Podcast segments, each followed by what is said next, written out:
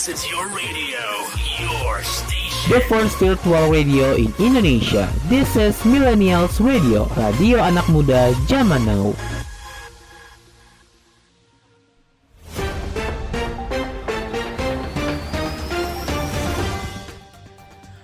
Hai millennials, ketinggalan berita dan informasi yang terjadi sepanjang minggu ini, kita sudah merangkumnya spesial untuk kamu di Trending News of the Week. Yang bisa kamu dengerin di Millennials Radio Podcast, yang bisa kamu dengerin di berbagai platform podcast ternama seperti Spotify, Reso, Noise, Roof, dan RCTI+.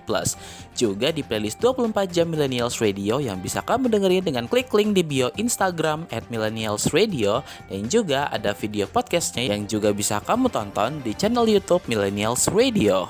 Dan inilah trending news of the week selengkapnya.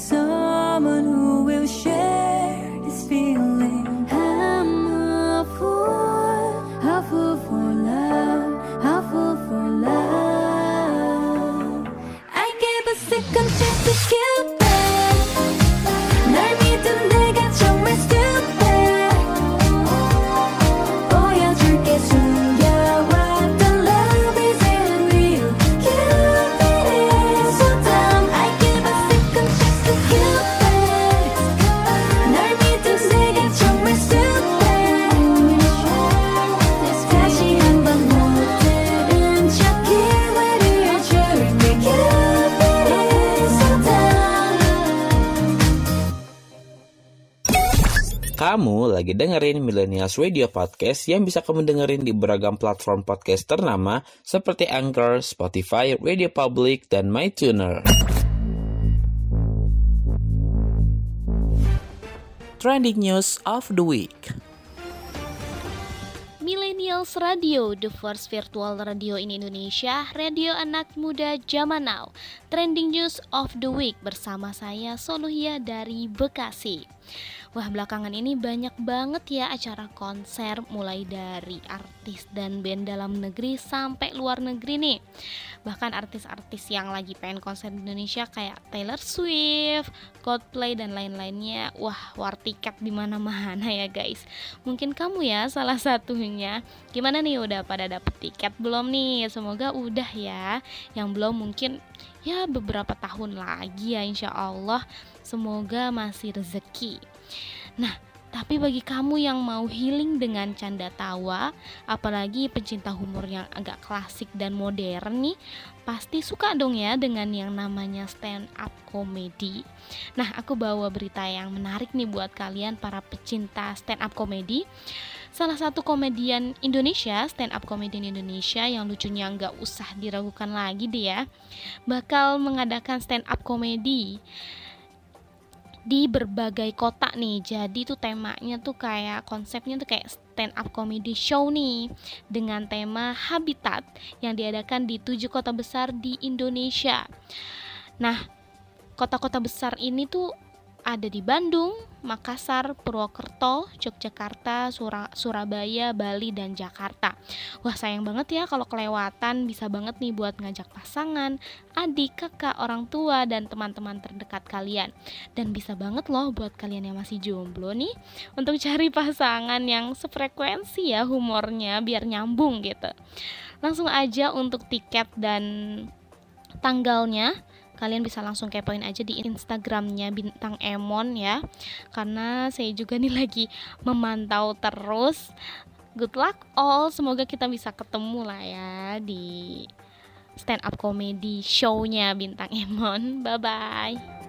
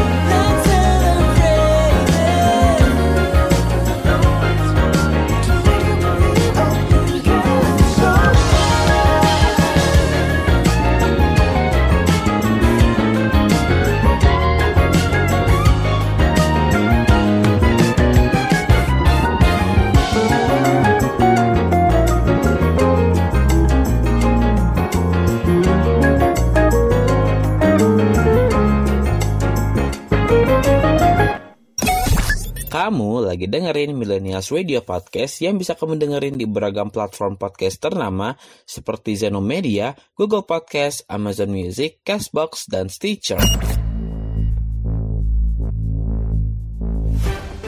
Trending News of the Week Millennials Radio, the first virtual radio in Indonesia. Radio anak muda zaman now, trending news of the week bersama saya, Aidila Syafitri dari Medan. Berita pertama datang dari saya, viral jemaah haji asal Sulsel pulang dengan dandanan dan perhiasan emas mencolok.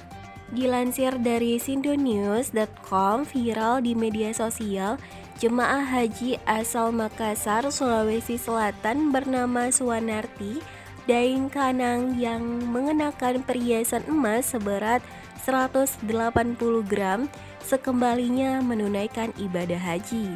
Suwarnati tampil nyetrik dengan menggunakan pakaian warna hijau yang dilengkapi hiasan khas Bugis di bagian kepala. Tak hanya itu, ia juga terlihat glamor dengan sejumlah perhiasan yang menempel pada tubuhnya. Dan belakangan diketahui emas tersebut imitasi. Kepulangan jemaah haji asal Sulawesi Selatan setiap tahunnya memang kerap menyisakan cerita dan menjadi perbincangan. Apalagi jika bukan karena busananya trik yang digunakan serta dihiasi perhiasan emas. Hal ini pun menuai pro dan kontra. Ternyata ada alasan mereka menggunakan pakaian yang nyetrik serta perhiasan emas dalam jumlah banyak bak toko emas berjalan setelah menunaikan ibadah haji. Jika dikaitkan dengan kebiasaan suku Bugis, maka memakai perhiasan emas tidak hanya bagian dari tradisi saja, tetapi sebagai suatu bentuk kebanggaan karena sudah berhasil menyelesaikan rukun Islam yang kelima. Fenomena menggunakan pakaian nyetrik serta memakai berbagai emas juga sebagai bentuk penghargaan kepada diri sendiri karena mayoritas orang Bugis bekerja untuk bisa berangkat haji.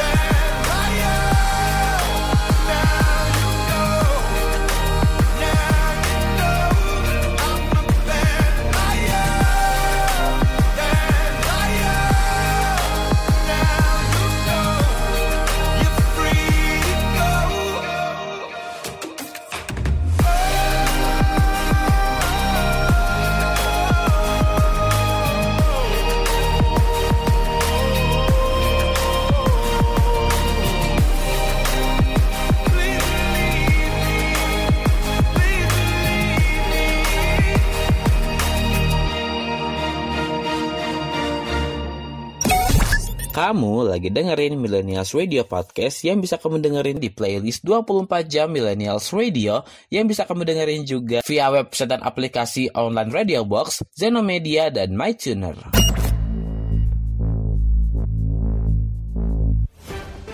Trending News of the Week Millennials Radio, the first virtual radio in Indonesia. Radio anak muda zaman now. Trending News of the Week bersama saya Laili Mawadatur dari Blitar.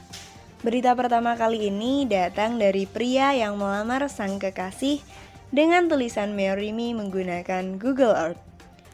Sebuah momen unik terjadi oleh pria asal Jepang saat melamar sang kekasih tercinta. Pria ini melamar kekasihnya dengan menggunakan Google Earth. Pria bernama Yasushi atau biasa dikenal dengan Yasan, awalnya melakukan perjalanan mengelilingi Jepang untuk membentuk kata Marry Me. Dikutip dari laman India Times, pada Selasa 11 Juli 2023, ide ini sudah ia rencanakan sejak 11 tahun lalu. Saat 2008, dia memberitahu sang kekasih tentang rencananya untuk menggunakan GPS untuk melamar. Yasushi menempuh sekitar 7000 km untuk menulis tulisan Marry Me dan tanda hati. Untuk melamar sang kekasih, Yasushi sampai membaca buku untuk mengetahui berbagai rute yang ia tempuh. Meski berat, dia mengaku sangat menikmatinya. Perjalanannya pun butuh perjuangan yang sangat berat. Dirinya beberapa kali harus menerjang hujan deras, salju, bahkan sampai gempa bumi. Untung saja selain cuaca tidak ada hal yang dapat menghalanginya untuk melamar sang kekasih. Pengorbanannya pun berbuah manis. Kekasihnya menerima lamaran dari sang Yasushi yang telah dibuat dengan perjuangan hebat. Sungguh kejutan yang enggak aku duga. Aku merasa mendapatkan cinta terbesar di dunia. Tentu saja aku menerimanya. Ujar Naomi, kekasih Yasushi dikutip dari South China Morning Post. Yasushi pun berhasil menjadi orang pertama yang melamar dengan menggunakan GPS di Google Earth.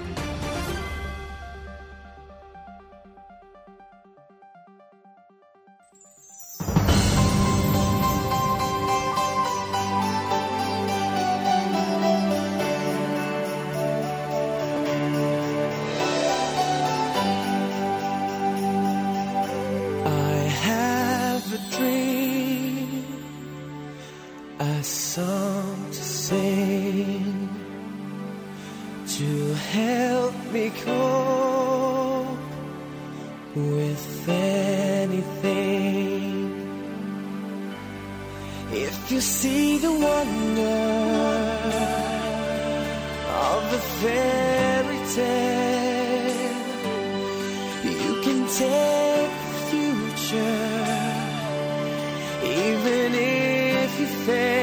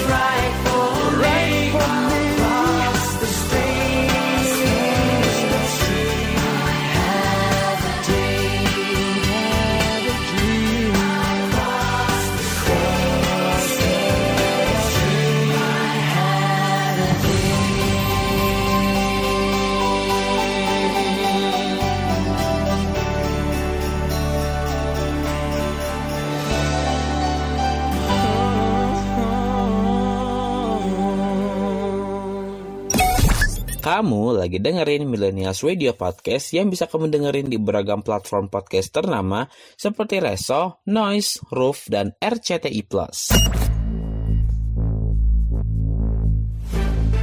Trending News of the Week Millennials Radio, the first virtual radio in Indonesia. Radio anak muda zaman now. Trending News of the Week bersama saya Farid Ali dari Surabaya. Berita pertama datang dari kota pahlawan, yaitu kota Surabaya. Baru-baru ini, kota Surabaya menyelenggarakan kembali event terbesar di Surabaya, yaitu Surabaya Cross of Culture International Folk Art Festival.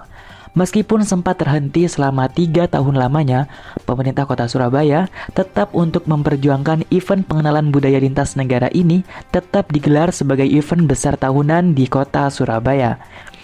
Dilansir dari kompas.com, event ini digelar sejak tanggal 16 hingga 20 Juli 2023, diikuti oleh 8 negara dan 9 daerah di Indonesia dengan aneka ragam budayanya masing-masing. Adapun delapan negara yang turut andil dalam event ini meliputi negara Yunani, India, Korea, Meksiko, Filipina, Sri Lanka, Uzbekistan, dan Prancis. Sementara para peserta dari Indonesia sendiri berasal dari daerah Pangkal Pinang atau Bangka Belitung, Bali, Sulawesi Tenggara, Nusa Tenggara Timur, DKI Jakarta, Kalimantan Barat, Sulawesi Selatan, Sulawesi Barat, Kota Surabaya, dan Mojokerto. Sejalan dengan event ini, berbagai ajang menampilkan beragam karya dan budaya yang dimiliki. Para peserta event menampilkan karya seni seperti seni tari, seni musik, seni teater dari berbagai daerah hingga seni ekspresi tari mancanegara untuk dikenalkan di depan khalayak warga kota Surabaya. Tak sekedar menampilkan pertunjukan seni budaya, festival digelar untuk melestarikan dan mengembangkan kesenian tradisional kota Surabaya dan kota lainnya di Indonesia kepada mancanegara. Banyak antusias yang didapati selama event pengenalan budaya internasional ini berlangsung, baik dari peserta hingga warga kota Surabaya. Semoga dengan diadakan event pengenalan budaya internasional ini dapat memberikan dampak yang luar biasa, terlebih dalam kesenian budaya yang ada.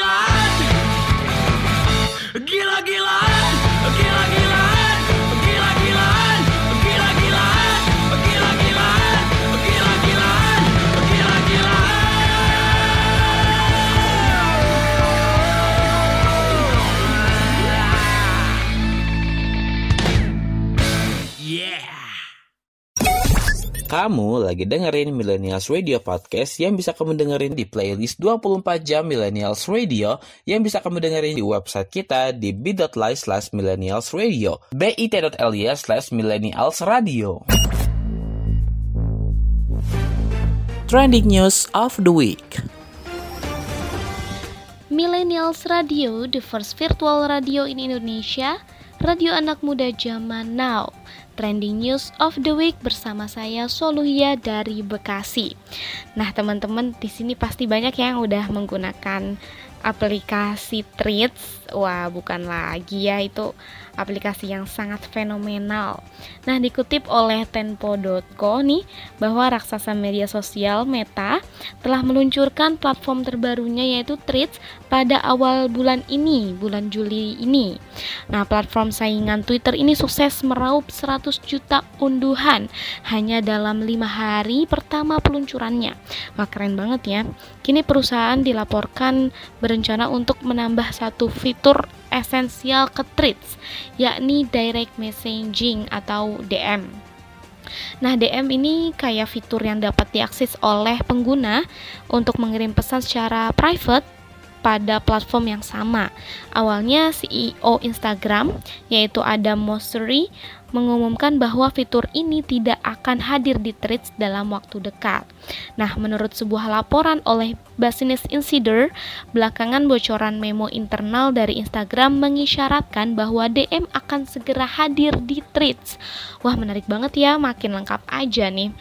Selain itu, memo tersebut juga menyebutkan bahwa platform microblogging itu juga akan mendapatkan beberapa fitur lainnya. Selain itu, analisis media sosial Matt Navara juga membagikan sebagian dari dokumen yang mengklaim hal yang sama di akun Twitternya. Namun perusahaan belum secara resmi mengumumkan timeline terkait kapan fitur tersebut dapat muncul di platform. Jadi siapa nih yang udah nggak sabar ada fitur baru atau fitur DM di Threads?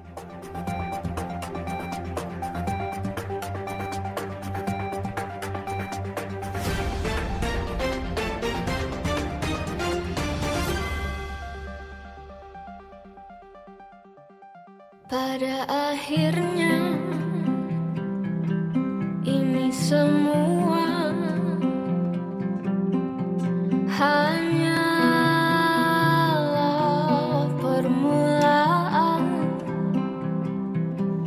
Pada akhirnya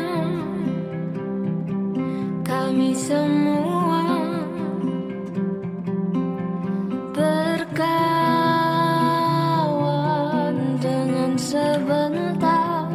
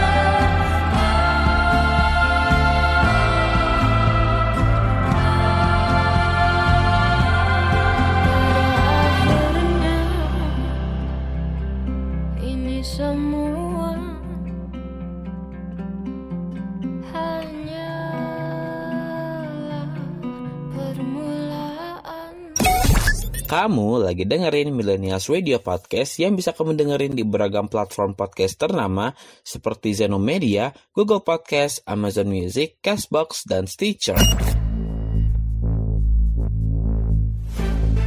Trending News of the Week Millennials Radio, the first virtual radio in Indonesia. Radio anak muda zaman now. Trending news of the week. Bersama saya Azhar dari Tangerang Selatan. Piala Dunia Wanita 2023 menghadirkan sejarah baru. Akan ada pesepak bola wanita berhijab pertama yang berlaga di turnamen tertinggi ini. Ia adalah Nouhalia Benzina yang membuat sejarah ini. Bek timnas Maroko itu akan tampil di Piala Dunia Wanita 2023 dengan mengenakan hijab. Melansir versus.uk, Benzina akan menjadi perempuan hijab pertama yang berlaga di Piala Dunia Wanita. Ini menjadi momentum pesepak bola putri bisa mengenakan hijab di level tertinggi. Pada 2007, FIFA sempat melarang penggunaan hijab di lapangan. Alasannya adalah faktor keselamatan. Aturan ini pun disorot sampai akhirnya dicabut tiga tahun berselang.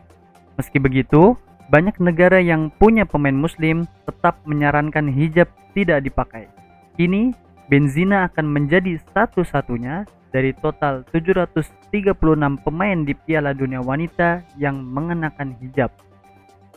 Piala Dunia Wanita 2023 sendiri akan digelar mulai 20 Juli mendatang sampai 20 Agustus. Sebanyak 32 negara dari enam konfederasi akan bersaing di Australia dan Selandia Baru selaku tuan rumah turnamen. Benzina sendiri akan memimpin Maroko yang tergabung di grup H. Dia akan melakoni laga perdananya melawan Jerman di Melbourne Rectangular Stadium 24 Juli mendatang.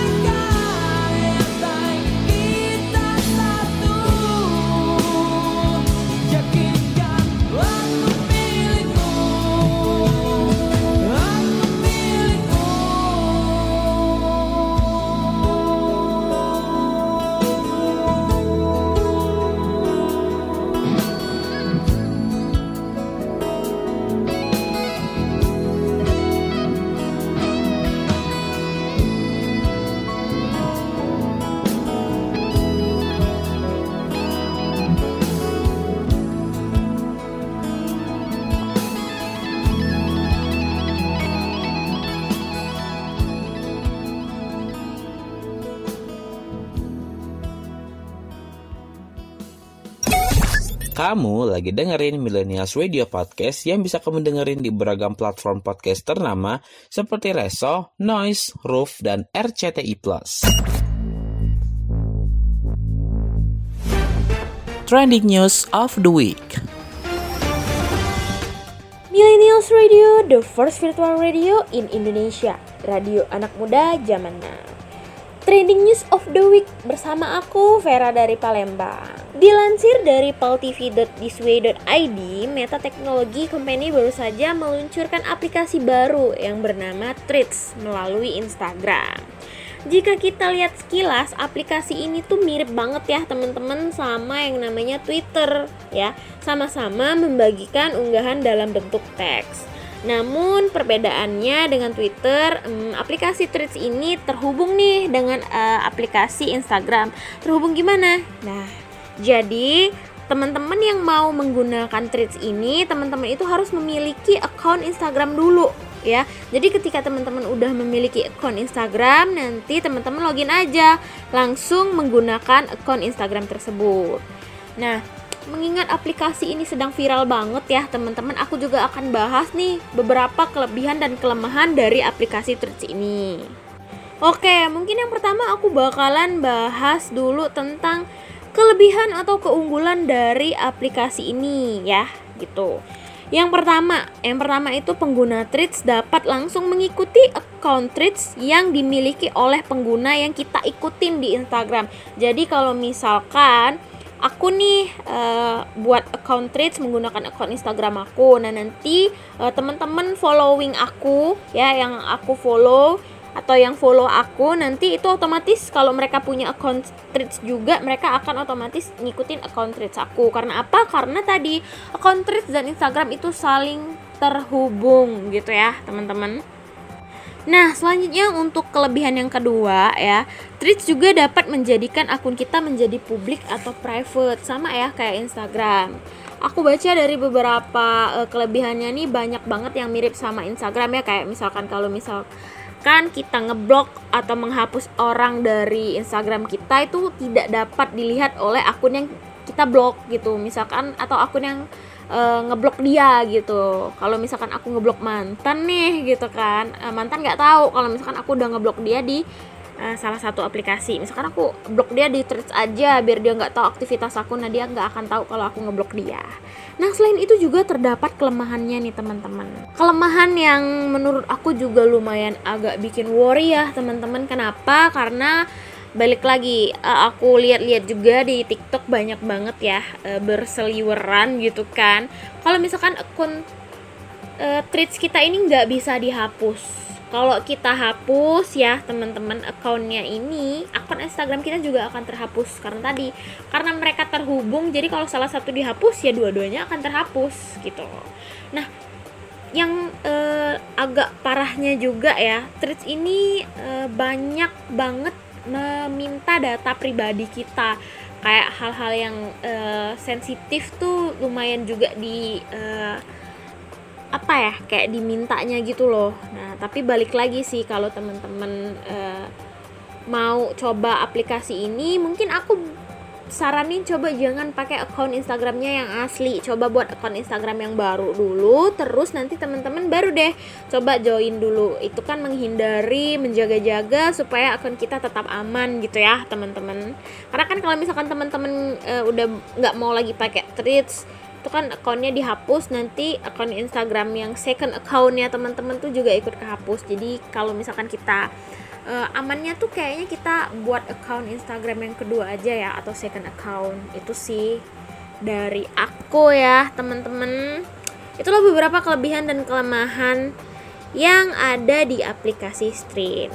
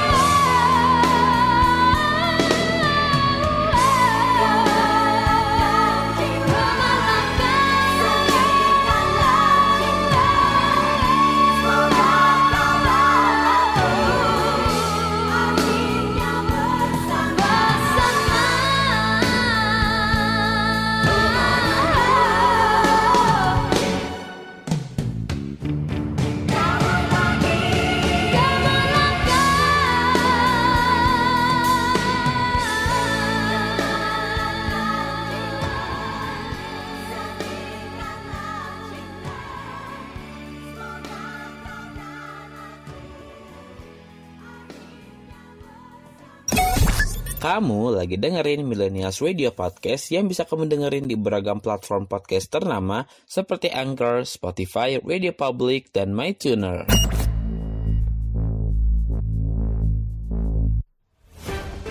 Trending News of the Week Millennials Radio, the first virtual radio in Indonesia, radio anak muda zaman now. Trending news of the week bersama saya Soluhia dari Bekasi. Wisatawan memasuki sebuah toko hanya untuk melihat-lihat alias cuci mata tanpa membeli satu pun adalah hal biasa ya menurut kita.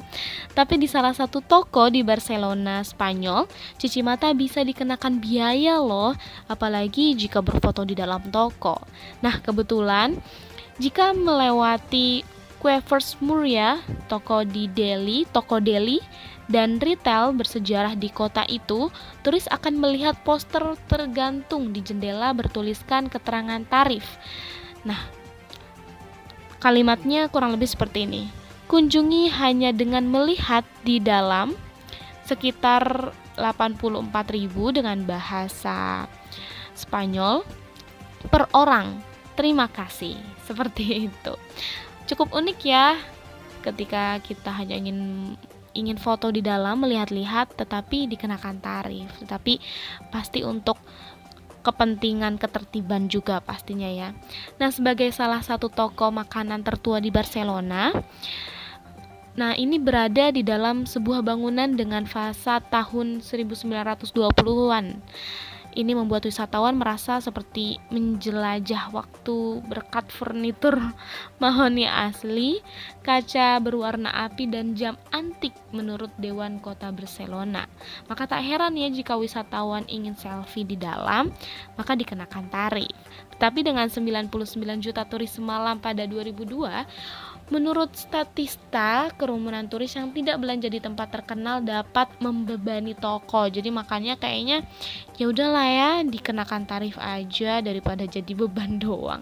Siapa nih kalian yang pernah ke sebuah wisata kemudian foto-foto dengan enaknya maka nikmatilah sebelum itu dikenakan tarif.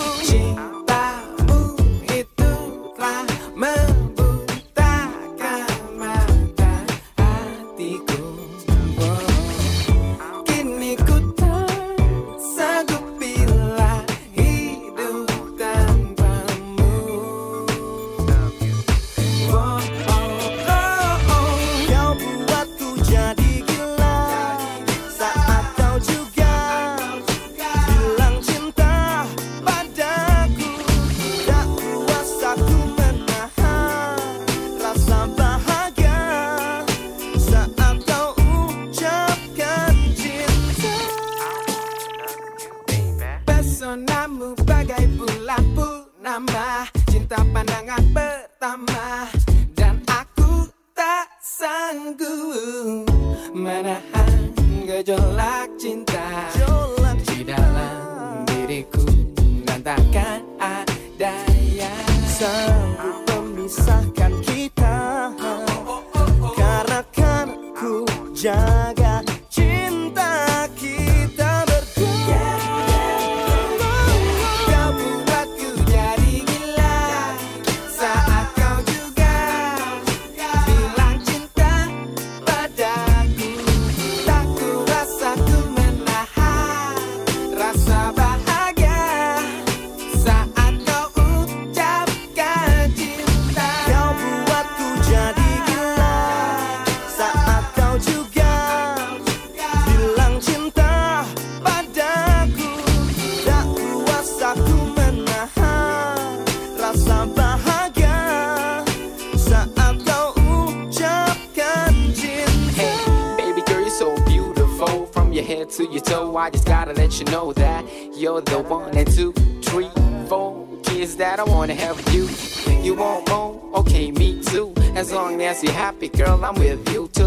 rest of my life. Now please say yes when I ask you to be my wife.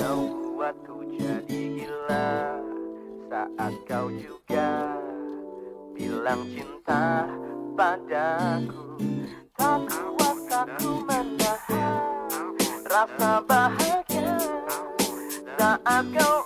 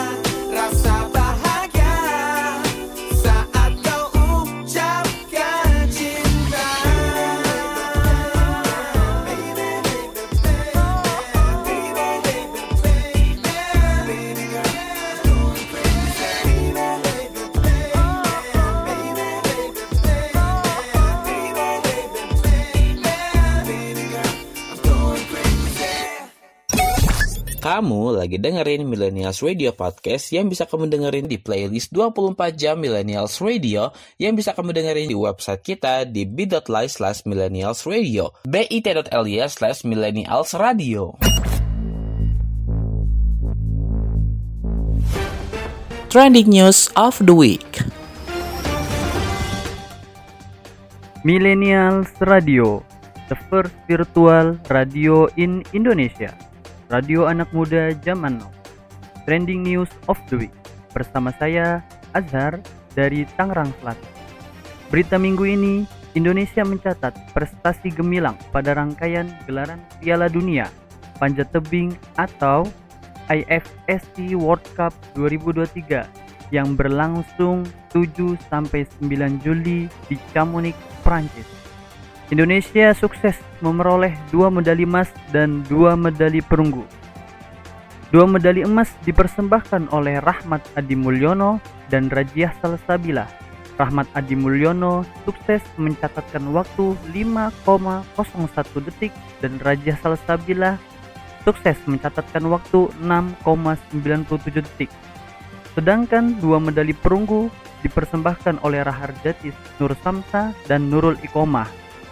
Raharjati Nur Samsa berhasil mencatatkan waktu 5,32 detik dan Nurul Ikomah dengan catatan waktu 7,16 detik. Pada Piala Dunia Panjat Tebing 2023 di Prancis, Indonesia mengirimkan 7 atlet dan 7 atlet putra dan 3 atlet putri. Fakta menariknya adalah Rahmat Adi Mulyono dan Rajah Salsabila meraih medali emas perdana di Piala Dunia Panjat Tebing ini. Selamat untuk para atlet panjat tebing Indonesia. Semoga ke depannya dapat terus memberikan kemenangan untuk bangsa Indonesia.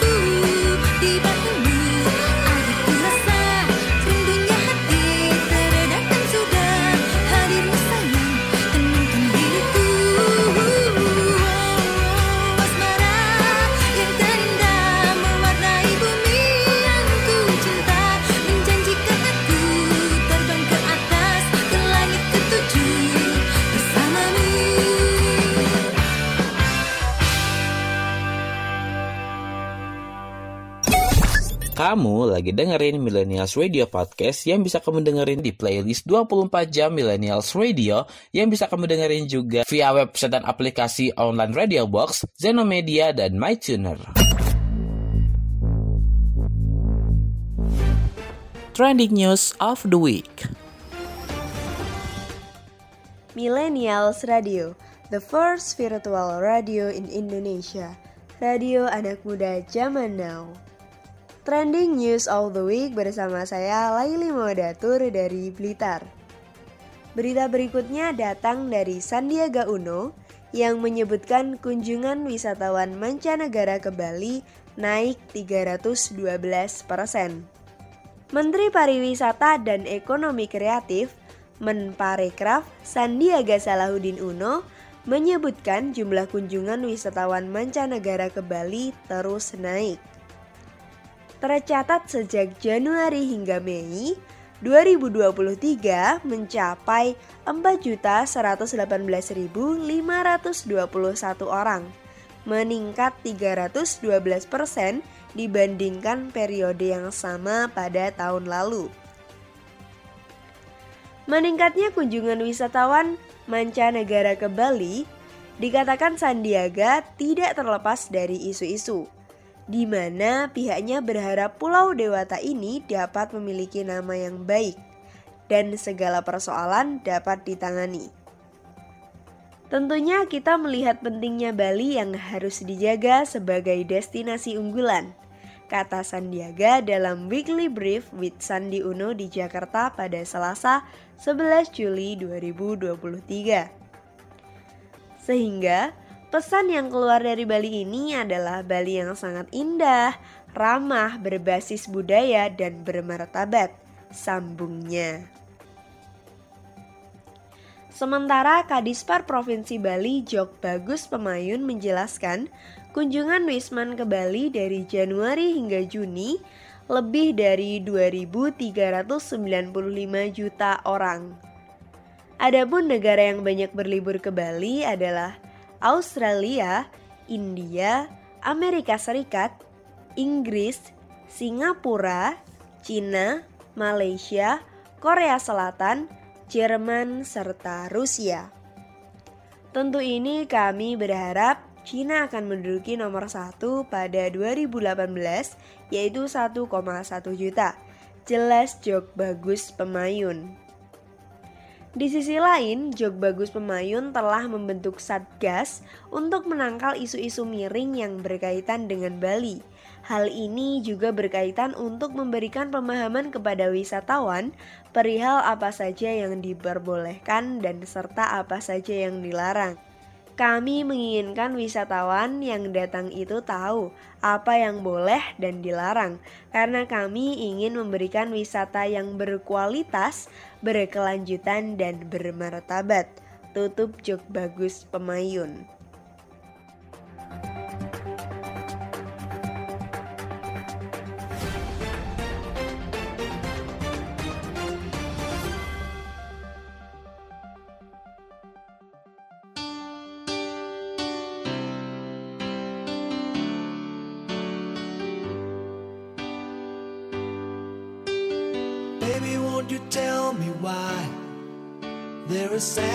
In your eyes? I don't wanna say goodbye to you. Love is one big illusion. I should try to forget, but there is something left in my head. You're the one who set it up.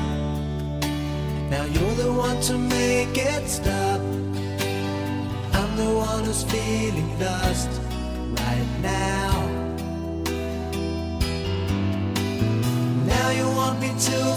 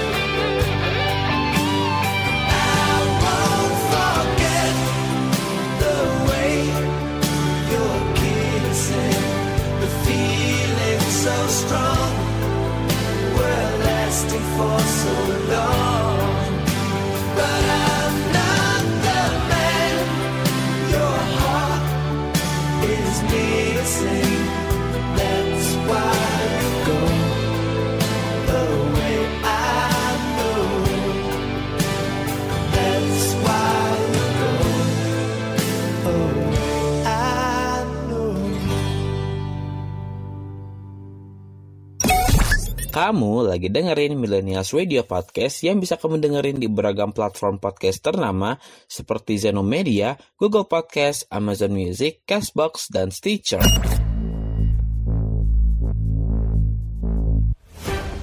Trending News of the Week Millennials Radio, the first virtual radio in Indonesia. Radio anak muda zaman now.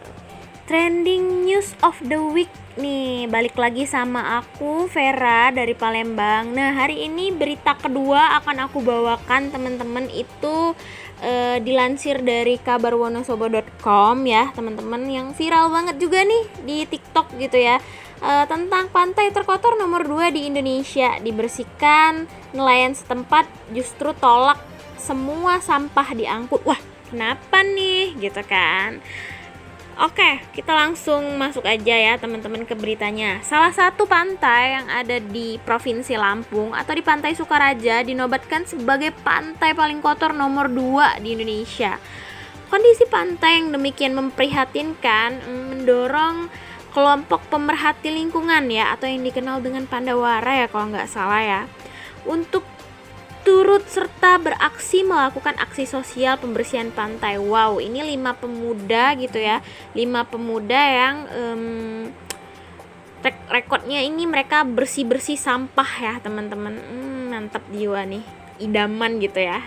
Oke, salah satu masyarakat yang turut serta dalam aksi pembersihan pantai adalah kelompok anak muda bernama Pandawara yang akan dibantu oleh seribu lebih orang dari berbagai elemen masyarakat di Lampung.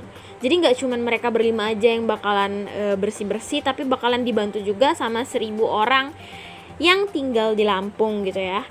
Nah, dari aksi bersih-bersih pantai tersebut yang berada di Kecamatan Bumi Waras, Bandar Lampung, mereka melakukan kegiatan ini itu 10 Juli kemarin nih teman-teman. Dan tahu nggak berapa banyak sih sampah yang dihasilkan?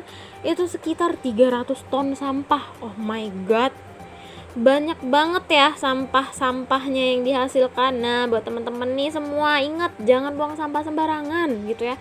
Meskipun cuman sebungkus eh, kulit permen gitu ya kalau misalkan yang buang udah 10 orang ya 10 kulit permen gitu Nah, kegiatan ini eh, diinisiasi oleh Pandawara tadi. Ini mm, mereka tuh berharap ya eh, menjadi sebuah pengingat dan ajakan bagi masyarakat untuk lebih peduli lagi dengan lingkungan sekitar dalam kehidupan sehari-hari.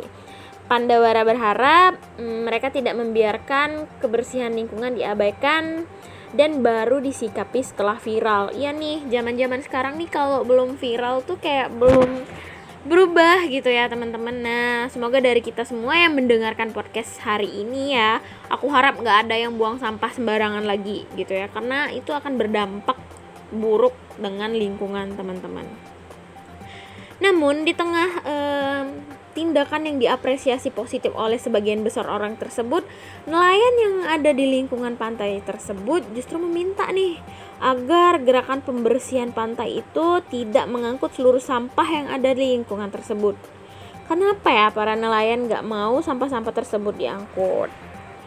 Hmm, para nelayan itu berkeberatan jika seluruh sampah yang ada di pantai tersebut dibersihkan karena menurut mereka sampah-sampah yang menumpuk di pantai tersebut selama belasan tahun itu dimanfaatkan oleh nelayan setempat untuk menjadi landasan perahu gitu.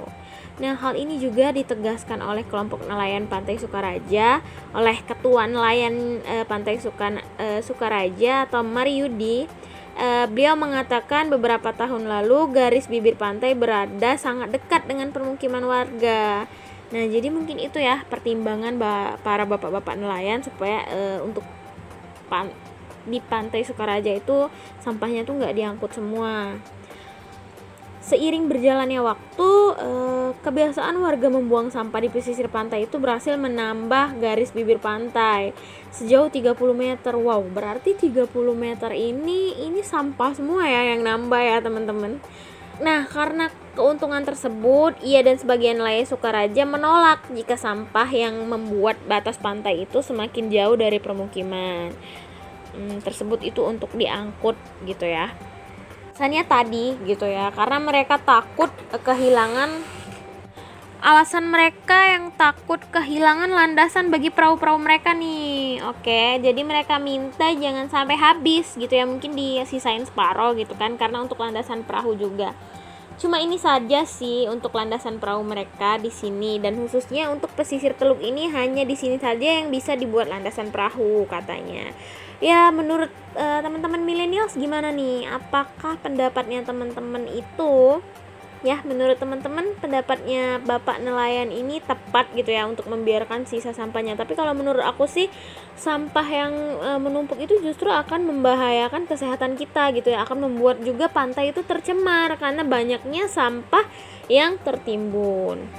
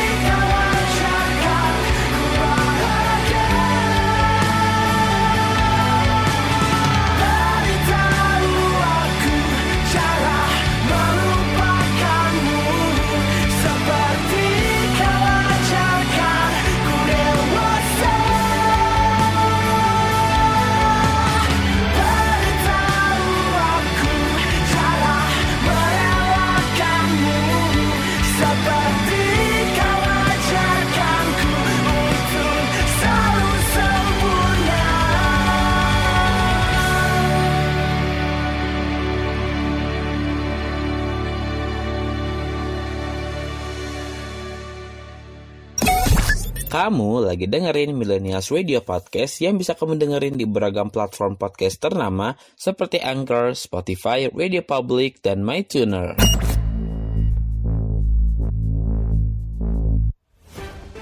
Trending News of the Week Millennials Radio, the first virtual radio in Indonesia. Radio anak muda zaman now. Trending news of the week bersama saya Farid Ali dari Surabaya. Berita kedua datang dari kota Surabaya yang saat ini melakukan perombakan di puluhan titik drainase di wilayah kota Surabaya untuk mengantisipasi banjir saat musim penghujan tiba. Musim hujan telah tiba diawali dengan cuaca yang tak terduga, serta akhir-akhir ini sering terjadi hujan di beberapa daerah kota Surabaya. Pemerintah kota Surabaya tidak ambil diam untuk mengatasi beberapa dampak setelah musim penghujan akan datang, seperti banjir. Pemerintah kota Surabaya menggelontorkan puluhan titik drainase di wilayah rawan banjir. Dilansir dari jawapos.com, Kepala Bidang Dinas Sumber Daya Air dan Bina Marga Kota Surabaya, Windo Gusman Prasetyo mengatakan, total ada puluhan titik pengerjaan drainase. Drainase difokuskan dibangun di area yang kerap muncul genangan saat hujan tiba. Lebih kurang 60 titik pengerjaan di drainase Kota Surabaya. Salah satu fokus pengerjaan drainase ini yaitu di daerah Surabaya Utara, seperti di daerah Tambak Wedi, Bulak Banteng, daerah Puncang, Kertajaya, Manuan Lor, dan Manuan Lama. Untuk melakukan pengerjaan drainase ini tentunya membutuhkan anggaran dana yang cukup besar. Dilansir dari kupasmerdeka.com, anggaran dana yang dikeluarkan untuk pengerjaan drainase ini di kota Surabaya yaitu sebesar 310 miliar rupiah dengan pembangunan pompa air. Bapak Windo mengatakan total anggaran sebanyak miliaran rupiah tersebut hanya untuk pengerjaan drainase di jalan besar dan anggaran itu berbeda untuk pengerjaan drainase di jalan besar dan jalan kecil. Evaluasi dari perbaikan drainase pada tahun sebelumnya, pekerjaan drainase pada tahun ini, Windo menerangkan bahwa pengerjaannya dilakukan tanpa menutup luas jalan untuk meminimalisir kemacetan dalam sirkulasi lalu lintas di daerah kota Surabaya. Lebih lanjut, Windo menambahkan pihaknya juga mengantisipasi kemeloran pengerjaan seperti tahun lalu yang membuat wali kota Surabaya Bapak Eri Cahyadi sangat geram.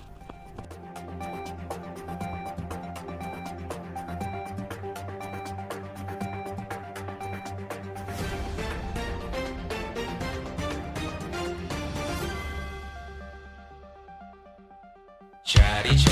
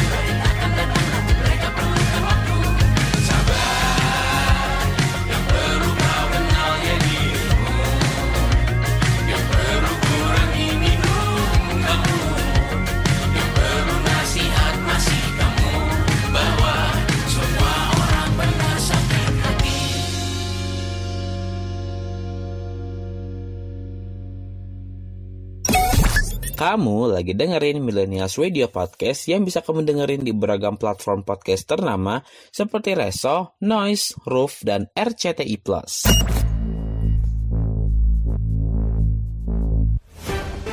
Trending News of the Week Millennials Radio, the first virtual radio in Indonesia. Radio anak muda zaman now, trending news of the week bersama saya, Aidila Syafitri dari Medan. Berita kedua datang dari saya kali ini tentang Anggi Anggraini kabur dengan mantan pacar suami minta ganti biaya nikah. Lansir dari liputan6.com baru-baru ini media sosial dihebohkan dengan berita kisah pengantin baru Anggi Anggraini dengan Pami Husaini.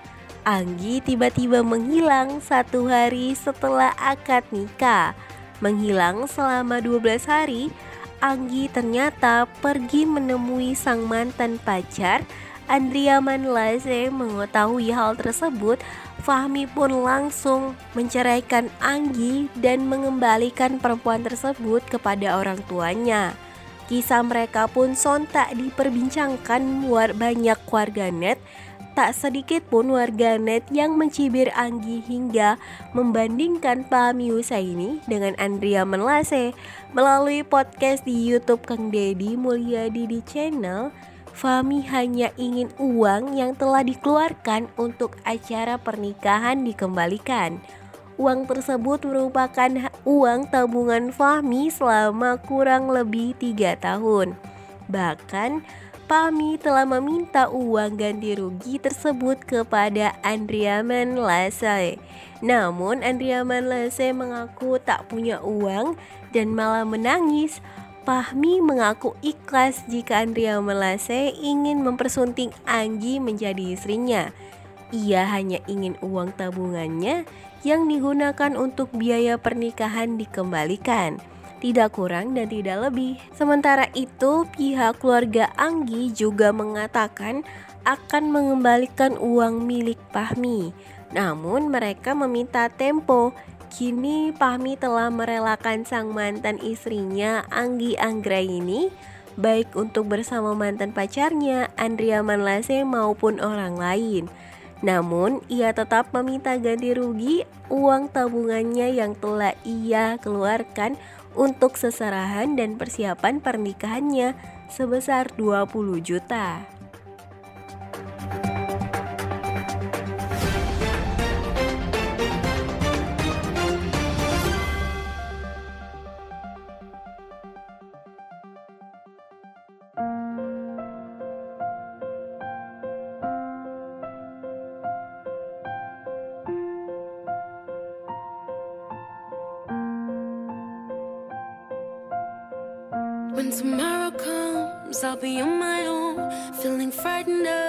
Things that I don't know. When tomorrow comes, tomorrow comes, tomorrow comes. And though the road is long, I look up to the sky, and in the dark I found lost hope that I won't fly. And I sing along, I sing along, then I sing along.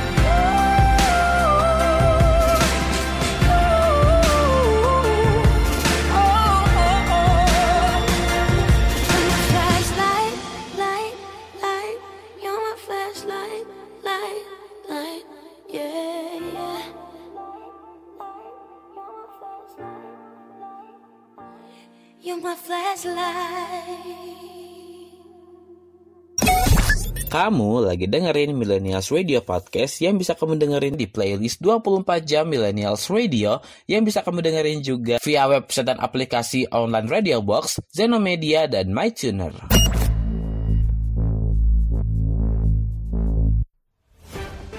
Trending News of the Week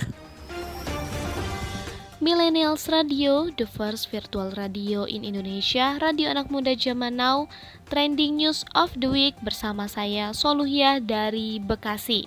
Film live action Barbie akhirnya tayang perdana di bioskop Indonesia pada tanggal 19 Juli 2023 kemarin ya. Animo dan antusiasme penggemar cukup tinggi menyaksikan film yang diadaptasi dari boneka legendaris Barbie ini. Siapa nih dari kalian yang udah nonton? Kalau saya sih belum ya, baru niatan nih. Kali aja ada yang mau bareng nih, kuy. Nah, apresiasi ini dapat lantaran sosok Barbie sudah menjelma menjadi ikon sekaligus simbol bagi para perempuan. Salah satu cara untuk menunjang penampilan dan tampil layaknya Barbie adalah lewat jam tangan. Nah, melalui siaran pers baru-baru ini, The Watch Co memberi rekomendasi jam tangan ala Barbie. Wow, unik banget ya. Jika ini terlihat elegan bak Barbie, cek koleksi Daniel Wellington Quadro Mini Melrose Rose Gold Blush yang akan memberikan kesan anggun pada penampilan atau mungkin keanggunan Olivia Burton Starlight Blush dan Silver Bracelet Watch yang memukau dan berkilau seperti bintang di malam hari lebih cocok sepertinya. Tapi kalau kamu mau menampilkan semangat keceriaan dengan warna pink ala Barbie, koleksi Diwan Milano Polycarbon Street Pink adalah pilihan yang tepat. Namun jangan lewatkan juga koleksi casual dan feminim dengan jam tangan Casio Digital Baby Pink yang memancarkan pesona tersendiri. Pada akhirnya apa pun pilihan kamu, koleksi jam tangan dari The Watch Co hadir untuk membantu mengekspresikan penampilan kamu.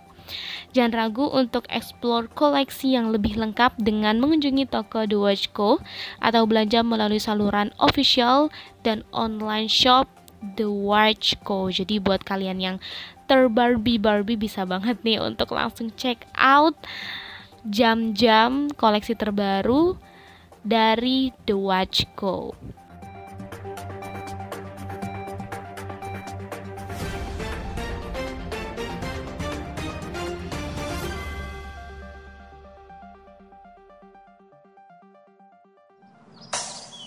Kau yang paling setia. Kau yang teristimewa. Kau yang aku cinta. Cuma engkau saja. Dari semua pria Aku yang juara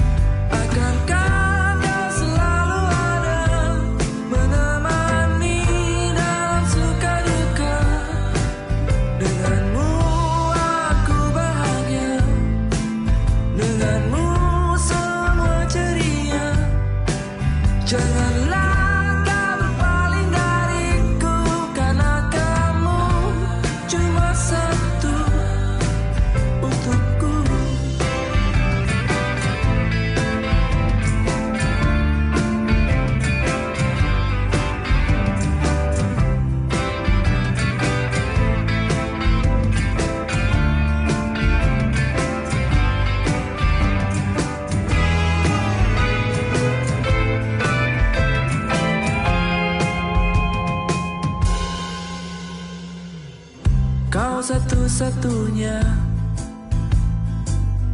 Dan tak ada dua. Apalagi tiga. Cuma engkau saja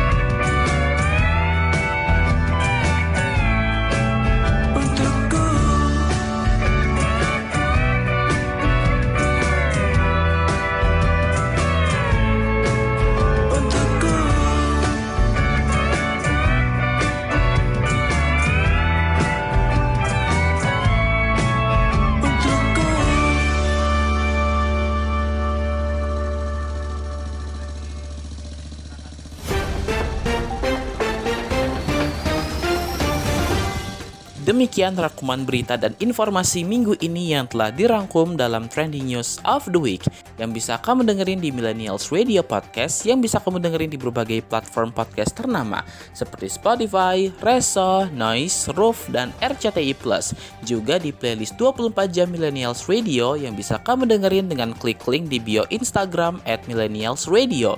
Dan juga ada video podcastnya yang juga bisa kamu tonton di channel YouTube Millennials Radio. Follow juga sosial media kita di Twitter at Millennials Radio underscore serta di Facebook, Instagram, YouTube, dan TikTok kita di at Millennials Radio. Sampai jumpa minggu depan dengan rangkaian informasi penting selama seminggu cuma di Trending News of the Week. Sampai jumpa.